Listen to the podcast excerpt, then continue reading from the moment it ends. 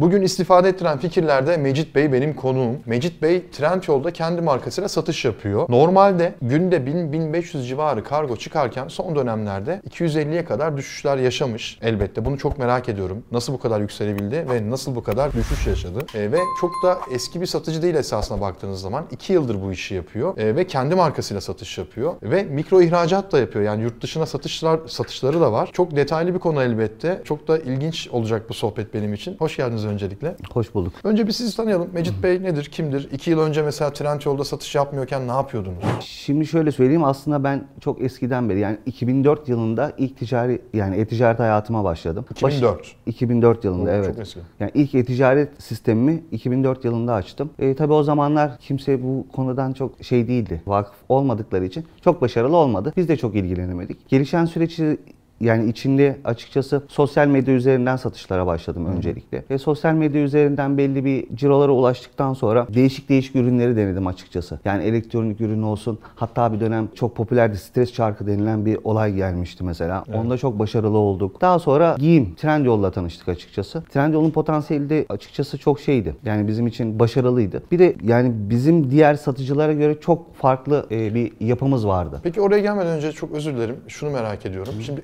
elektronik ürünler deniyordunuz. İşte stres şarkı vesaire. Evet. Bambaşka bir dünyadaydınız aslında Evet. 2004'te. Kendi sitenizde satış yapıyordunuz. Giyim şimdi çok e, spesifik bir kategori. Yani mesela bana deseniz ki ben 20 yıla yakındır belki e-ticaret yapıyorum. işin içindeyim. Ama de ki bana Tuğer hadi giyim sat deyin. Ben giyimi beceremem. Çünkü neden beceremem? Giyim kategorisi çok uzmanlık gerektiren bir iş. Nereden aklınıza geldi giyim? Şimdi şöyle, e, devamlı e-ticaretin içinde olduğum için çok fazla açık fark yani diğer satıcılardaki daha doğrusu rakipler diyeyim. Rakiplerde çok fazla şey vardı, sıkıntı vardı. Hani rakip analizi dediğimiz şeyi yaptığımızda gerçekten son kullanıcının çok fazla sıkıntıları vardı. Yani istenilen daha doğrusu özellikleri yazılan ürünler gitmiyordu. Örnek veriyorum biz dış giyim üzerine üretim yapıyoruz. Su geçirmez yazıyor. Ama o ürün gerçekten su geçirmez değil. Ve bakın yorumlara, bizim yorumlarımıza da bakabilirsiniz. Çok fazla satış olmasına rağmen çok yüksek puanladı. Çünkü biz vaat ettiğimiz şeyi satıyoruz. Müşteriye yanlış bilgilendirme ya da hatalı bilgilendirme yapmıyoruz. Bizim aslında en büyük diğer rakiplerimizden farkımız bu açıkçası. Peki burada yani ürünün şimdi su geçirmez olması elbette kumaş yapısıyla alakalı bir detay vardır muhakkak. Yani şimdi tekstilciler Evet. daha iyi bilir bu konuyu. Evet. Ben mesela yabancıyım. Bana de ki Tuğer bu ürün su geçirmiyor. Vallahi bilmiyorum dedim. Bir bardak su dökerim üzerine. Geçiriyor mu geçirmiyor mu öyle anlamaya çalışıyorum. Evet. Burada nasıl uzmanlaştınız? Mesela bir tekstil nasıl su geçirmez? Şimdi şöyle söyleyeyim. Bu normalde belli kumaş e, yapıları vardır. Bu kumaşlara artı bir kaplama yapılır. Bu kaplama sayesinde hem su geçirmez hem de daha rahat nefes alabilir kumaşlar haline gelir. Şimdi bir de şöyle bir şey var. Bizim şirketimizde tamamen her şey bizim kontrolümüzde. Biz fason üretim yaptırmıyoruz. Yani kumaş da bize ait, kesim de bize ait, e, model de bize ait. Her şey kendi bünyemizde oluyor. Bu da tabii bir otokontrol açısından bize çok avantaj sağlıyor. Örnek veriyorum biz müşterinin bir geri bildirimi oluyor. Onu hemen model üzerinde müdahale edebiliyoruz. Hatta üretim bandında bile müdahale edebiliyoruz. Peki işin en başında mesela bu yapıyı nasıl kurdunuz? Yani bir tekstilciyle ortak mı oldunuz? Şöyle söyleyeyim ben daha önce farklı bir yani bu sektörle ilgili farklı firmalara danışmanlık yapıyordum açıkçası. Buradan gördüğüm tecrübelerle bu şekilde bir yapa- yapıya girdik. Peki burada imalatçıyı nasıl buldunuz? Yani imalatçılarla çalışmak zor. Hani kendiniz artık bir üretim Yok. yapıyorsunuz ama bir imalatçı vardır değil mi? Tabii ki. Yani Free Group bizim ana şirketimiz. İmalat tamamen onlar tarafından yönetiliyor. Ben sadece e-ticaret kısmına bakıyorum. Şimdi ben sizin tabii kafa yapınızı kendime biraz yakın bulduğum için ben de çok eskiden et, beri e-ticaret yapıyorum. Sürekli işte ürünler ürettiriyorum. Yurt dışında, Türkiye'de vesaire birçok üreticiyle, imalatçıyla çalışıyorum. E, ve hep farklı kategorilere girdiğimde farklı farklı imalatçılar bulmak e, çoğu zaman kolay olmuyor Türkiye'de özellikle. Şimdi siz Türkiye'de bu işi yaptığınız için mesela sıfırdan, şimdi bu videoyu izleyen kişiler tekstille alakası yok insanların. Belki başka kategori hayal ediyorlar. Belki oyuncak ürettirmek istiyorlar. Trendyol'da satmak istiyorlar ya da başka bir platformda satmak istiyorlar. Siz mesela şu an sıfırdan yeni bir kategoriye girecek olsanız hiç böyle tekstil, giyim değil. Bambaşka oyuncak diyelim. Nasıl imalatçı bulurdunuz? Şimdi ilk önce benim bu konuda şöyle bir durumum var. Ben pazar yerlerini geziyorum. Mesela ürünlerin görselleri bozuk ama yorumları iyi. Yani e-ticareti bilmeyen satıcıları keşfediyorum açıkçası. Ve onlarla görüşmeye gidiyorum. Diyorum ki sizin bu ürününüz hani satabilecek bir ürün ama siz satamıyorsunuz. Çünkü e-ticareti bilmedikleri için. Yani aslında buradan yola çıkaraktan ben e, firmaları buluyorum. Yani tamamen e-ticareti bilmeyen ama ürünleri satabilecek, hani satış potansiyeli olan, geri bildirimleri güzel olan ama satış yapamayan satıcıları seçiyorum açıkçası. Çok mantıklı. Bu şeye benziyor. Ben geçen işte bir tane mağaza denk geldim. Trendyol'da mı? Farklı platform tam hatırlamıyorum. Ürünleri çok güzeldi böyle. Bir baktım şey yazıyor. Bodrum işte Turgut Reis'te bir adresi var. Yani öyle bir adres yazmış. Ben de o sıra Bodrum'dayım. Bana da çok yakın. Buldum dükkanı. Gittim çat kapı. Önce ürünleri inceliyorum. Dükkanda satıyor. Çok güzel. Dedim siz mi yapıyorsunuz dedim. Evet abi biz yapıyoruz dedi. Atölyesi de hemen yan tarafta eliyle gösterdi. E, bildiğin el yapım böyle. E, uğraşıyorlar. Ama mağazalarında hareket yok e-ticaret mağazalarında. Dedim ki ya dedim siz Trendyol'da satıyorsunuz, orada satıyorsunuz, burada satıyorsunuz. Evet satıyoruz dedi. E, çok iyi değil dedi. E dedim toptan alabilir miyim bu ürünleri? Olur dedi. 20 liraya işte bir tane ürün gösterdi bana. Ürüne bakıyorsun Trendyol'da 70-80 TL'ye satıyor. Orada toptan 20 liraya verecek. E şimdi ben onu satarım. Anlaştık, tokalaştık mesela o kişiyle. Ondan sonra daha yeni bu arada yeni bir konu. Şimdi muhtemelen bu yaz mesela e, onlarla bir Yani ticaretimiz tamamen başlayacak. benim sürecim de aslında bu şekilde devam Çok ediyor. mantıklı, Yani ben evet. daha önce daha farklı işte takı sektörleri mesela bileğimizdeki doğal taşlar olsun. 2016 yılında sırf bunun için Çin'e gittim. Belli bir ürünü yaptırabilir miyim diye yaptıramadım. Yani bir ay kadar orada kaldım. Yani tamamen hayatım böyle geçiyor. Yani kendim bildiğim bile böyle geçiyor. Şu anda tekstil evet ama yarın bir gün başka bir şey olabilir ki benim de şu anda önümde iki tane daha proje var. Ee, şu anda onunla mesela o da Türkiye'de hatta dünyada olmayan bir ürün. Öyle söyleyeyim. Eğer paylaşmak isterseniz paylaşın. Yok şu an için İstemiyorsanız değil. paylaşmayın. Yok şu an için Tamam. değil çünkü bir arge kısmı var şu anda. Tam Aha. netleşmeden de yanlış bir Yine şey giyim var. değil değil mi? Bambaşka değil. bir şey. Çok farklı bir sektör. Yani fast food sektörüyle alakalı. Aa, çok iyi ya. Tam tam girişimcisiniz yani. Peki e, şimdi Free Group mağazanızı ben Trendyol'da inceledim. Evet. 2 yıllık bir mağaza olmasına rağmen, bak rağmen diyorum çünkü 2 yıl çok kısa bir süre bence. E, bu başarıyı, sirkülasyonu yakalamak için 1000 1500 adet sa- satış yapıyorsunuz günde. E, 200-250'ye düşmüş. Onu soracağım bu arada neden olduğunu. Birazdan soracağım. Peki hiç böyle bir anınız var mı? Geçmişe dönüp baktığınız zaman. Benim çok mesela karşılaşmışımdır. Bir anda sipariş gelmiştir. Normal normalin 5 katı, 10 katı böyle sürpriz bir şey olmuştur. E, ve o gün ne yapacağınızı şaşırmışsınızdır. Böyle böyle bir anınız oldu mu hiç? Şimdi yani aslında kötü bir anı ama ticari anlamda iyi olduğu için anlatıyorum. Yani güzel bir şey olarak söylemiyorum. Yani Türkiye biliyorsunuz çok büyük bir deprem geçirdi ve burada deprem mağazaları açıldı Trendyol'da. Mesela biz o zaman depolarımızda çok fazla ürün vardı ve biz bunları hepsini hiç karsız hepsini kolilere doldurduk ve Trendyol deprem mağazasına teslim ettik. Yani benim için hani ticari anlamda olsun belki bundan sonraki hayatımda en önemli şey budur. En fazla satış yaptığımız dönemde odur aslında. Yani günde 1500-2000 tane sipariş hazırlıyorduk. Sipariş demeyeyim yani koli hazırlıyorduk. Ve hatta onunla ilgili bize geri dönüş de oldu. Mesela farklı satıcılarda farklı şeyler yapılmış. Biz neyse onu gönderdik mesela. Yani ürün neyse alt bedenini, üst bedeni ya da elimizde fazla olanı göndermedik. Neyse onu gönderdik. Bununla ilgili mesela güzel bir şey oldu bizim için. Hani Türkiye için kötü ama bizim için güzel bir değer oldu diyeyim. E, ticaret yapıyorsunuz sonuçta. Neyin ne zaman ne olacağı belli olmuyor. Evet. E, şimdi ticaret yapıyorsunuz derken bir de şu var. Şimdi Türkiye'de yaşıyoruz. Ne yazık ki e, enflasyon yerinde durmuyor. Sürekli fiyatlar değişiyor. Özellikle Türkiye'de üretim yaptıran, ben gideyim şu toptancıdan ya da şu üreticiden işte kumaş alayım, bununla mont dikeyim diyen bir üretici bile yani ham madde alan kişi bile fiyatlarını sürekli güncellemek zorunda. Ve özellikle ben Türkiye pazar yerlerinde Trendyol başta olmak üzere şunu görüyorum her zaman. Kişi mesela atıyorum e, şu tişörtü, şu kazağı satıyorsa Trendyol'da atıyorum e, 200 liraya satıyor. E, niye 200 liraya satıyorsun diye so- sorsan satıcıya der ki ben bunu 70 liraya mal ediyorum. Kargosu, e, komisyonu, Komisyonu. o bu derken 200 liraya sattığım zaman 20 lira kar ediyorum diyor. E, ama dünle bugün arasında %5'lik bir enflasyon oynadı. Fiyatlar %5 arttı. E sen stoğunu bitirdiğin zaman e, mesela 1000 tane kazak dikecek ya da 1000 tane kazak satacak kadar imalatçıdan e, mal aldın, ürün aldın. Bütün malı sattığın zaman elindeki ürün kadar ürün alamayacaksın. Yani stoğu yerine koyamayacaksın. Ya olsun ben kâra geçtim diyor. Yani TL bazında öyle düşünüyor. Dolayısıyla en çok düşünülen, e, düşülen hata bu oluyor aslında Türkiye'de e-ticaret ve çok batıyor insanlar. Evet. Şimdi çok e, yüksek adetli sattığınız için size soruyorum. Buradaki enflasyondan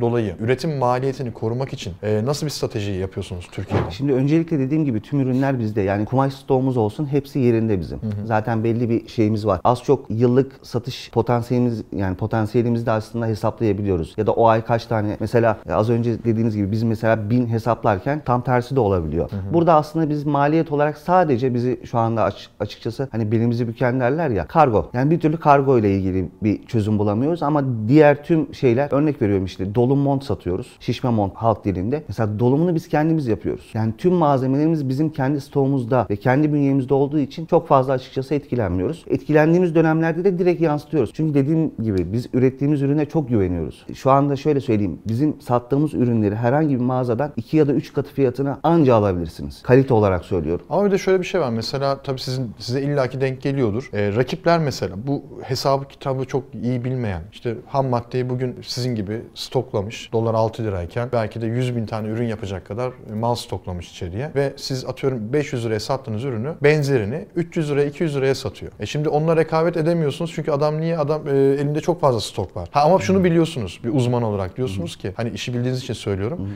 Ya bu adam bütün malı bitirdikten sonra tekrar aynı kuvvetle satış yapamayacak. Çünkü malı yerine koyamayacak. Yani satacağı malı. Buradaki fiyat rekabeti çok zorlayıcı olmuyor mu Türkiye'de? Şimdi evet oluyor ama ben hiçbir zaman şu satış politikamda şunu düşünmedim. Zararına satayım ya da işte esnaf kafasıyla diyeyim daha doğrusu malın paraya dönsün. Dönmesin. Çünkü son kullanma tarihi yok. Depomda dursun satılır. Üretim de bende olduğu için üretimi yavaşlatıyorum sadece. Yani onu dengeleyebiliyoruz biz kendi içimizde. O yüzden yani onunla ilgili bir şeyimiz yok, sıkıntımız yok. Dediğim gibi bir de gerçekten son kullanıcı ucuz bir ürünü aldığı zaman pahalı ürünle farkını aldıktan sonra anlıyor maalesef. Ve bir şekilde dönüyor. Müşteriye bir şekilde ulaşıyorsunuz siz. Hiç istisnası ulaşıyorsunuz. Yani dediğim gibi çok eskiden beri o sektörde olduğum için yani hayatımda hep bunu gördüm. O yüzden çok etkilemiyor açıkçası bizi. Şimdi zaten Türkiye'de bu enflasyon ortamı olduğu için biraz da yurt dışına satış yapmak artık cazip hale gelmeye Evet. başladı. Yani birçok insan ki ben benim de birçok videolarımda da zaten görüyorlar yurt dışına satışla alakalı. Mümkün olduğu kadar insanları bilinçlendirmeye, bilgilendirmeye çalışıyorum. Şimdi Trendyol'da mikro ihracat sistemi biliyorsunuz başladı yakın bir zaman içerisinde. Birçok satıcı e, ürünlerini yurt dışına satıyor artık. Siz burada mesela ilk ne yaptınız? Yani mikro ihracat açıklandı. Panelinizde açıldı mikro ihracat. Şimdi açıkçası biz zaten otomatik açılıyordu aslında ilk önce. Herhangi bir başvuru süreci yoktu Evet. mikro ihracatta. Azerbaycan açıldığı zaman ilk sipariş geldi. Hatta şöyle söyleyeyim. Yani yapı çok basit olduğu için Trendyol'da mikro ihracat. e, normalde bir insanın mikro ihracat yapması yani süreç olarak gerçekten sıkıntılı. Özellikle lojistik kısmı ayrı bir sıkıntı. Yani örnek veriyorum işte 20 euroluk bir ürünü yurt dışına göndermeye kalksanız daha fazla kargosu tutar şu anda. Evet. Yani bu çok. Yani biz mikro ihracat yazmasa insanlar, satıcılar şu anda hani mikro ihracat yaptıklarının farkında bile olmazlar. Trendyol'un en güzel yanı bu. Öylelikle keşfettik. Yani a dedik bu hani nedir? Çünkü daha önce farklı aracı firmalar vardı. Onlar yapıyordu bu işi. Farklı olunca mikro ihracat yazınca tabii panelimizi kontrol ettik. Tabii bildirimler, mailler derken Ha dedik bu güzel. Daha sonra bununla ilgili nasıl bir çalışma yaptık onu da söyleyeyim. Çok fazla soru gelmeye başladı mesela Azerbaycan'dan. Mesela onların diliyle cevap vermeye çalıştık mümkün olduğunca. Onların istekleri doğrultusunda daha önceki müşterilerimizin geri bildirimlerini aldık. Ona göre bir çalışma yaptık. Yani nasıl yurt dışına daha fazla satabiliriz diye. Şu anda da gayet iyi açık. Peki burada kargo dediniz. Kargonun Türkiye'den daha mı avantajlı şu an ücretleri? Ee, Yani Azerbaycan'a Türkiye'den ne kadara gidiyor mesela bir tane şişme mont? Şimdi şöyle söyleyeyim. Şişme montu yaklaşık olarak tahmini söylüyorum. Hani aracı bir kurumla gönderseniz herhalde 15-20 Euro'dan aşağı gönderemezsiniz ki e, hani havaleli mal dediğimiz bir ürün daha bile fazla olabilir. Şu anda açıkçası göndermediğimiz için tamamen Trendyol üzerinden yaptığımız için tam net bir fikrim yok açıkçası. Anladım. Ürün seçiyorsunuz derken mesela şimdi Azerbaycan'dan bahsedeyim yine. Evet. Türkiye ile tamam kan uyumu var ama insanların e, zevkleri, giyim tarzları Türkiye ile çok alakalı değil. Şimdi siz de giyim satıyorsunuz, e, Evet. giyim ürünleri satıyorsunuz. Ürünü seçerken mesela ya ben bunu e, ihracat yapmalıyım, bunu Azerbaycan'a satmalıyım derken nasıl karar verdiniz Şimdi ona? şöyle söyleyeyim. Biz ürün seçmiyoruz. Tüm ürünlerimizi önemli olan burada bir tane fazla satmak. Ticaret için söylüyorum. Yani genel anlamda. Biz ürün özellikle işte Azerbaycan'a bunu, işte Birleşik Arap Emirlikleri'ne bunu, Suudi Arabistan'a bunu ya da Katar'a bunu diye düşünmüyoruz.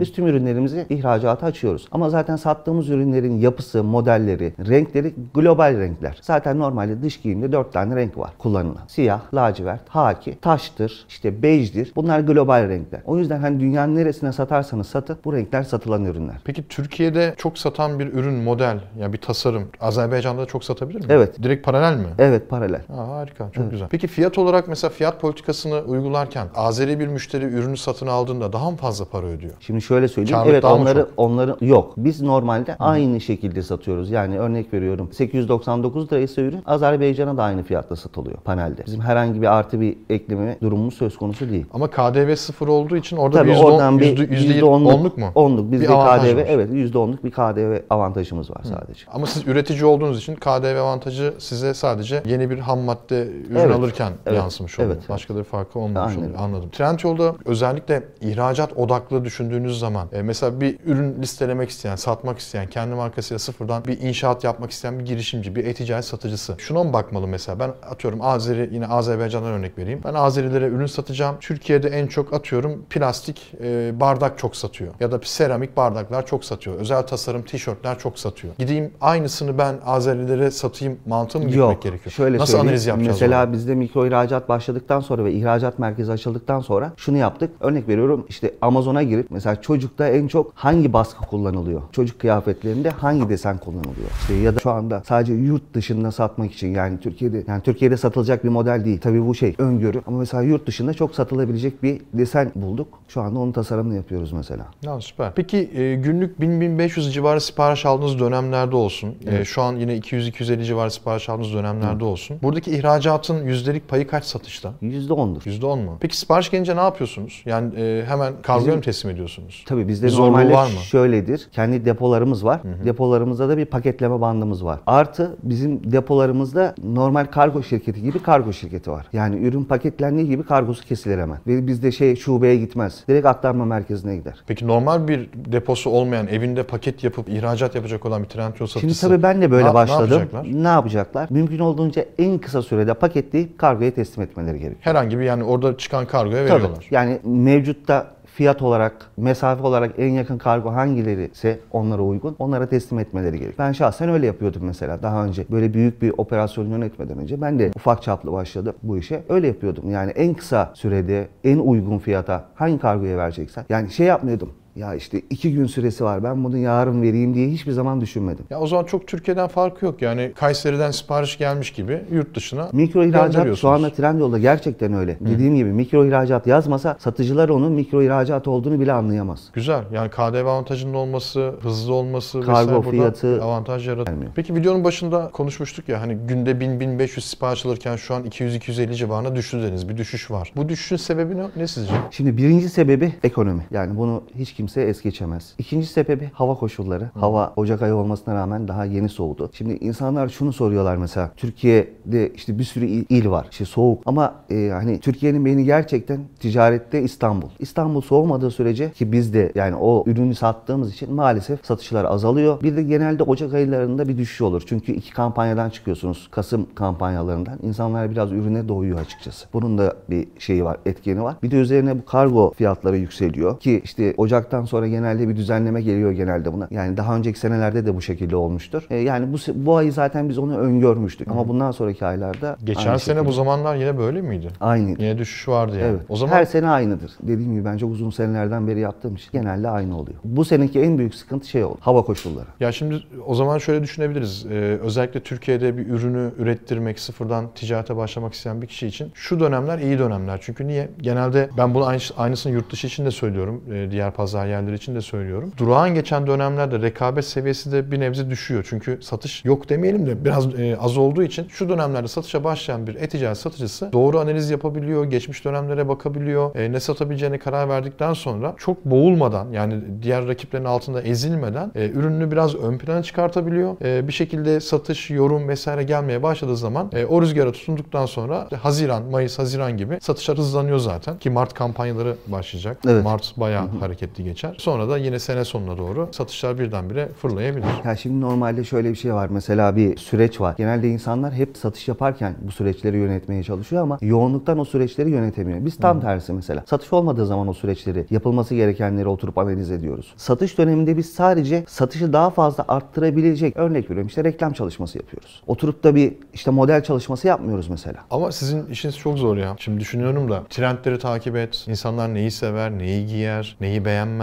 Renkler, renk uyumları, kombinler. Yani özel tasarımcıyla falan çalışmak lazım. Şimdi şöyle söyleyeyim açıkçası o konuda da artık hani şey var bu oyun sektöründe oyun karakterlerini çizen bir kişi var şu anda ismini hatırlayamadım. Karakterlerin sadece gözlerini ya da burunlarını çiziyor. Mesela bu insan devamlı insanların burnuna bakıyormuş. Mesela biz de şu anda açıkçası ben sokağa çıktığım zaman işte hangi montu giyiyor, hangi model giyiyor, mesela en fazla hangi rengi giyiyor. Daha reel bunu aslında şu anda Türkiye'de takip ediyoruz. Ona göre de hatta şunu da yaptığımız oluyor. Hani e, böyle eşimiz dostumuzla gördüğümüz zaman ya biz sana yenisini alalım, biz bunu alalım, hani modelini çıkaralım gibi durumlar da oluyor açıkçası. Bir de çok gelen bir eleştiri yani genel bir görüş var aslında benim duyduğum genellikle. Özellikle alsat yapanlar. Mesela alsattan kastım şu. Bir başkasının markasını toptan alıyor kişi toptancıdan. e, gidiyor Trendyol'da ya da farklı pazar yerinde %10, %5 neyse bir e, kar marjı koyuyor satıyor. E tabi buy box rekabeti var. E, bir başkası geliyor işi bilmeyen birisi çok daha ucuza koyuyor ürünü. E ne oldu? Para kazanamıyor. Elindeki mal da kalmış oluyor zarar. Sonra kapatıyor dükkanını gidiyor. Üzerine bir de komisyon ödüyor. Trendyol komisyonları var. E kargolar var ki sürekli artıyor kargo fiyatları. E iade geliyor. İade gelince de bir de o iadenin kargosunu da satıcı ödüyor. Çoğu öde- Yani satıcının sırtında burada çok fazla yük var.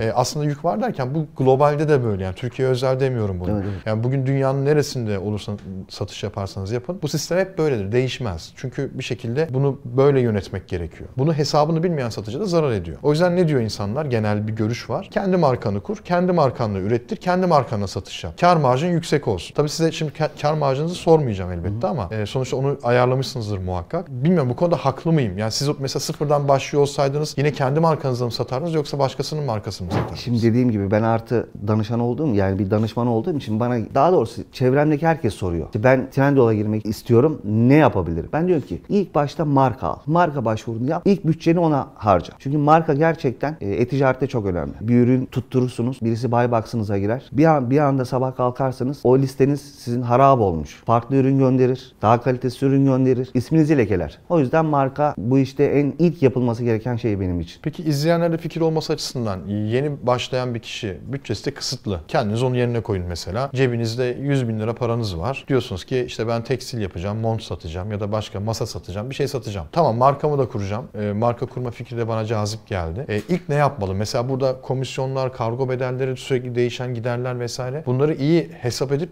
önümüze koymak gerekiyor. Yoksa zarar ederiz. Ne yapardınız? İlk yapacağınız Şimdi ben şey ne şöyle olur? söyleyeyim. Ben kendim dediğim gibi bunu yaptığım için söylüyorum. Ben ilk önce kendimi eğitirdim. Nasıl edeceksiniz? Örnek veriyorum yani bu komisyonlar, kargo ücretleri, insanlar bu e-ticareti nasıl yapıyor? Hani alıp satıyor ama nasıl kar ediyor? Daha önceki yapan insanlar nasıl zarar etmiş? Nasıl kar etmiş? Bir de bununla ilgili zaten artık eskisi gibi değil. Bir sosyal medya denilen bir şey var. Yani herkes her şeyini paylaşıyor burada. Gruplar var bunlarla ilgili. Gruplara girip bakabilirler mesela. İnsanlar nasıl zarar etmiş? Ya da insanlar hangi yanlışları yapmış? Ya da doğru yapanlar neler yapmış? Ben mesela böyle başlamıştım açıkçası. Bakıyordum ben nerede yanlış yapıyorum diye. Ben de sonuçta belli bir şeyden sonra bir yerde takılıyorsunuz ve diyorsunuz ki gitmiyor artık. Ve gidiyordum bakıyordum aa diyordum bak ben bunu yapmadım mesela. Yani insanlara ben en büyük önerim ve ikincisi de dediğim gibi kendilerine eğitikten sonra bir tane satamayan satıcı bulacak. Satamayanı bulacaklar, onun ürününü satacaklar aslında, ürettirecekler. Yani Çok- bir çok nevi bir, bir, bir nevi ortak oluyorsunuz çünkü. Çok mantıklı aslında. Ha bu süreç çok uzun sürmeyebilir. Şöyle sürmeyebilir. Çalıştığınız kişiye bağlı çünkü bu. Çünkü çalıştığınız kişi belli bir limit aştıktan sonra aa zaten benim ürünüm satıyormuş deyip sizi e, saf dışı edebilir. Ki böyle de olacaktır. Tabi o arada da siz kendi bütçenizi ayarlayıp ticarete devam edebilirsiniz. Kendi markanıza devam etmeniz gerekiyor. Ama başlangıç için satamayan satıcıyı bulup ürünlerini satmak çok akıllıca bir şey. Stok maliyeti yok. Hiçbir şey yok. Gönderim maliyeti, yani gönderim maliyeti var ama hani şeyden paketleme ve operasyon maliyeti yok. Hiçbir şeyle uğraşmıyorsunuz. Yani ben dediğim gibi bunu zamanında yaptım. Yine yaparım. Çok mantıklı bir süreç. Çok akıllıcaymış evet. İzleyenlere de fikir oldu bence. Güzel bir fikir oldu. Mecit Bey çok teşekkür ederim. Ben Ağzınıza teşekkür sağlık. ederim. Buraya kadar geldiniz. Konuğum oldunuz. Ee, başka eklemek istediğiniz bir şey var mı? Yani açıkçası dediğim gibi bir kere olumsuz olan, olumsuz gördükleri ya da olumsuz duydukları hiçbir şeye takılmasınlar. Ben gençlerde bunu çok görüyorum. Çok çabuk pes ediyorlar. Hayatta hiçbir şey kolay değil. E, ticaret de kolay değil. Ticarete göre daha da zor bence. Çünkü birebir e, sıcak bir iletişim yok arada. Şimdi ben sizinle telefonla konuşsam aynı şeyi alamayız. Yani aynı iletişimi kuramayız. E, ticaret zor ama doğru yapıldığı zaman başarılı olmama ihtimaliniz yok. Öyle Bence söyleyeyim. Valla Mecit Bey verdiğiniz fikirler de bence çok değerliydi. Ee, bir deneyim sonuçta burada karşımızda oturuyor. Ee, Mecit Bey'in fikirleri dediğim gibi değerli. Umarım faydalanmışsınızdır sonuna kadar. Siz de Mecit Bey gibi konuk olmak istiyorsanız buraya aşağıda bir formumuz var, başvuru formumuz var. O formu doldurmanız yeterli. Aynı zamanda özellikle benim çok ilgilendiğim ve üstüne çok durduğum bu e-ihracat konusuyla alakalı sorularınız varsa ben memnuniyetle cevap vermeye çalışırım ki Mecit Bey'den de rica ederiz kendisi de cevap vermeye çalışır. Hiç çekinmeyin. Yorum bölümüne sorularınızı sorun. Kendinize çok iyi bakın. Hoşçakalın.